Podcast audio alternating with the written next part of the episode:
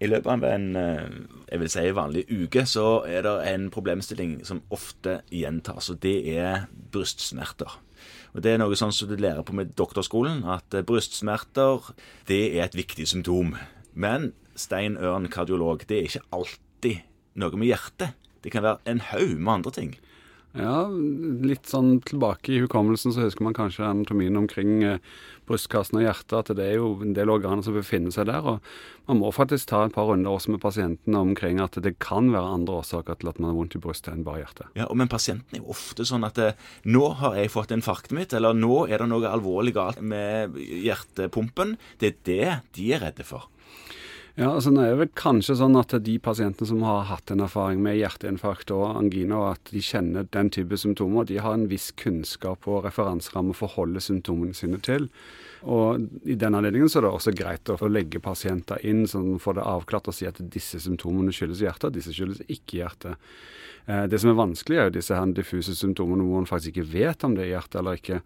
Hvordan skal man da skille disse fra andre som er mindre betydningsfulle? Men, men det som vi ofte sitter med, er jo disse 38 eller 43 år gamle, gjerne mennene, da, som da på toppen av alt har litt sånn kardiologi i familien sin, og har en far som riktignok 78 år gammel fikk sitt hjerteinfarkt, men allikevel har det såpass friskt i minne fordi det er kort tid siden at de husker det, og som da har vondt i brystet. Og så tar vi de inn, og så tar vi som oftest et EKG av de. Og det er jo selvsagt helt nydelig fint, uten at noen tør å konkludere i noen som helst retning som følge av det. Hvordan skal vi håndtere de? Fordi at eh, som oftest så vil de på en måte i liten grad slå seg til ro med at alt er i orden. Ja, Det er litt forståelig også, for du vet jo hvor dårlige symptomer egentlig også reflekterer den grunnleggende tilstanden. Altså 30% av pasienter som har hjerteinfarkt, de har ikke symptomer. 30% har helt ukarakteristiske symptomer, og så har du 30% som har symptomer. Dette er jo karakteristiske symptomer. Og Da snakker vi om pasienter med hjerteinfarkt. Og Problemet med hjertesykdom er jo denne snikende ankomsten. og Særlig ved alvorlig hjertesykdom så kan dette bare være en dårlig kondisjon hvor pasienten opplever det som at de det er liksom litt slapp og trøtt og gidder ikke og sånt. Sånn stor LAD, så den største koronararterien, hvis den har dårlig sirkulasjon, så kan symptomet bare være rett og slett at du føler deg trøtt og slapp og ikke har det sånn som du har hatt det før. Og det har gått over så lang tid at du merker det ikke. Og dette er det spekteret du da hele tiden jobber i som kliniker. Det gjør at eh, på sykehuset så må man respektere at man får en del henvendelser som kan virke unødvendige for allmennpraktikere, fordi det er nødvendig å avklare sånne type symptomer. Så jeg har veldig stor respekt for allmennpraktikerne som sitter med det svære spekteret. Det som er viktig, er å prøve å skille ut symptomene, særlig anstrengelsesrelaterte symptomer. Altså Situasjoner hvor det er økt oksygenbehov i myokard, skal i utgangspunktet da fremkalle en reaksjon i myokard eh, som er karakteristisk hvis du har trange blodårer. Det typiske er jo hvis du i oppstart av fysisk aktivitet kjenner symptomer som da går vekk under fysisk aktivitet, og så kommer tilbake hvis du øker den fysiske aktiviteten. Det er jo klassisk. Så har vi også ved kulde, hvor man da får inhalere kald luft, og koronararteriene får litt spasmetendens, hvordan de da også kan fremkalle mer tungpust eller redusert yteevne eller vondt i brystet.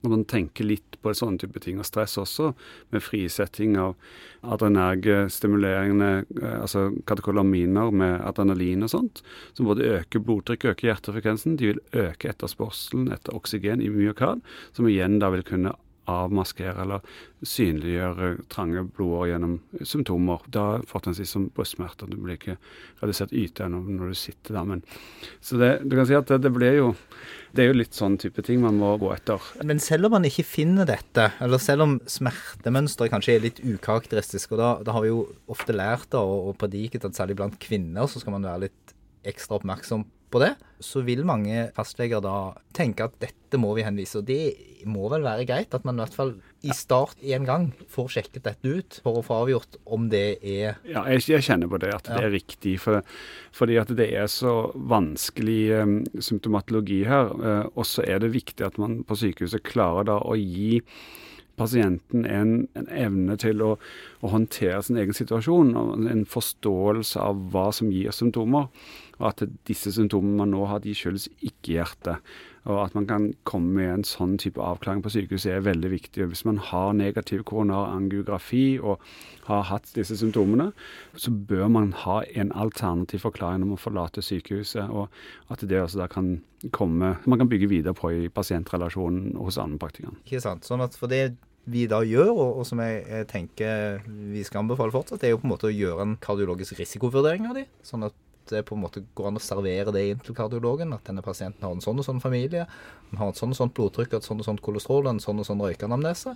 Og at det er tatt et EKG, som jo da er negativt. Og det bør det vel egentlig være, selv om man har en ganske utpreget angina i aktivitet. Det er vel slik å forstå at et negativt EKG utelukker ikke så veldig mye? Ingenting. Og det er jo igjen, altså, du kan tenke deg, altså, det som er problemstillingen, er at du har en blodsirkulasjon som i utgangspunktet da ikke er kompromittert. Du er klar for å forsyne det du trenger for vanlig hvilesituasjon. En trang blodåre vil jo først uh, ha en konsekvens hvis den ikke klarer å levere det blodet som er nødvendig, og det vil først da komme i en stressa situasjon eller i en aktivitetssituasjon. Og Da snakker jeg ikke om en infarkt, fordi det er jo en tilstoppning av blodårer. Da har ikke hjertet nok til å forsyne seg selv ved hvileaktivitet. Så det må man skille uh, mellom. Når vi da får disse tilbake igjen, så reiser det seg et sånt evig spørsmål. ikke sant? Altså De har vært på en arbeidsbelastning, og i dag blir veldig mange henvist til CT-kor i etterkant, som da er negativt, eh, og, de blir frikjent for dette. Så er det en del pasienter som spør det betimelige og sikkert vanskelige spørsmål å svare. Hvor lenge varer det?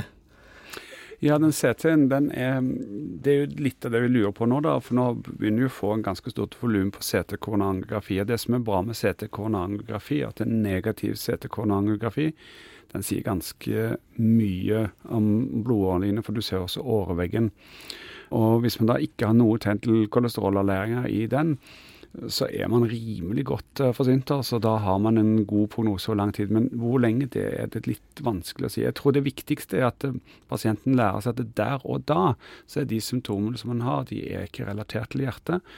Og at man lærer seg å kjenne igjen. Og en av de problemstillingene som vi ofte møtes, som mistolkes som hjertesykdom, det er rett og slett uh, smerter i overgangen mellom altså bruskovergangen mellom ribbene og, og brystbeinet. Eh, og Det er det triggerpunkt. og Hvis man lærer seg å palpere det, så kan man finne det ut. Og, og det er viktig for pasienten å få den opplevelsen at her kan man reprodusere symptomene. Dette er symptomer som kommer pga. at man har leddsmerter. Og for pasienten til å forstå at man faktisk kan ha leddsmerter mellom ribbene og, og brystbeinet, det er viktig. Selv på venstre side dette et såkalt teacher-syndrom. Ja, og så tenker jeg da at hvis man da har noen symptomer som har gjort at man har henvist dem til en til en kardiologisk vurdering og kanskje fått gjort en CT-kor som er negativ, så kan man i hvert fall si at de symptomene du har nå, som du er inne på, de har ingenting med hjertet å gjøre. Og med mindre du får noen andre symptomer som mistenker noe, så er det heller ingen grunn til å tro at de symptomene skal ha noe med hjertet å gjøre på et senere tidspunkt. Stemmer. Og det er veldig viktig, og, og, det kan være en løsning også. Det er klart at Noen pasienter vil jo da komme tilbake med andre symptomer, og så vil en fortsette en sånn en, en runddans. Der. kanskje er det fordi at pasienten har lyst til å besøke deg. altså det er klart at Så attraktiv som du er, så vil det jo være helt åpenbart at det kan bli en problemstilling. Men i, i utgangspunktet så vil de fleste være fornøyde da med å få en tilbakemelding på at dette her har ikke noe med hjertet å gjøre, eh, og de vil slå seg til ro med det. Men jeg tror også at hvis man da i tillegg kan servere en forklaring på symptomene. At man spesifikt kan gå inn og finne disse triggerpunktene for smertene. At man kan finne øsofagitten. At man kan komme til et punkt hvor man gir pasienten en forklaringsmodell. Det vil være veldig viktig.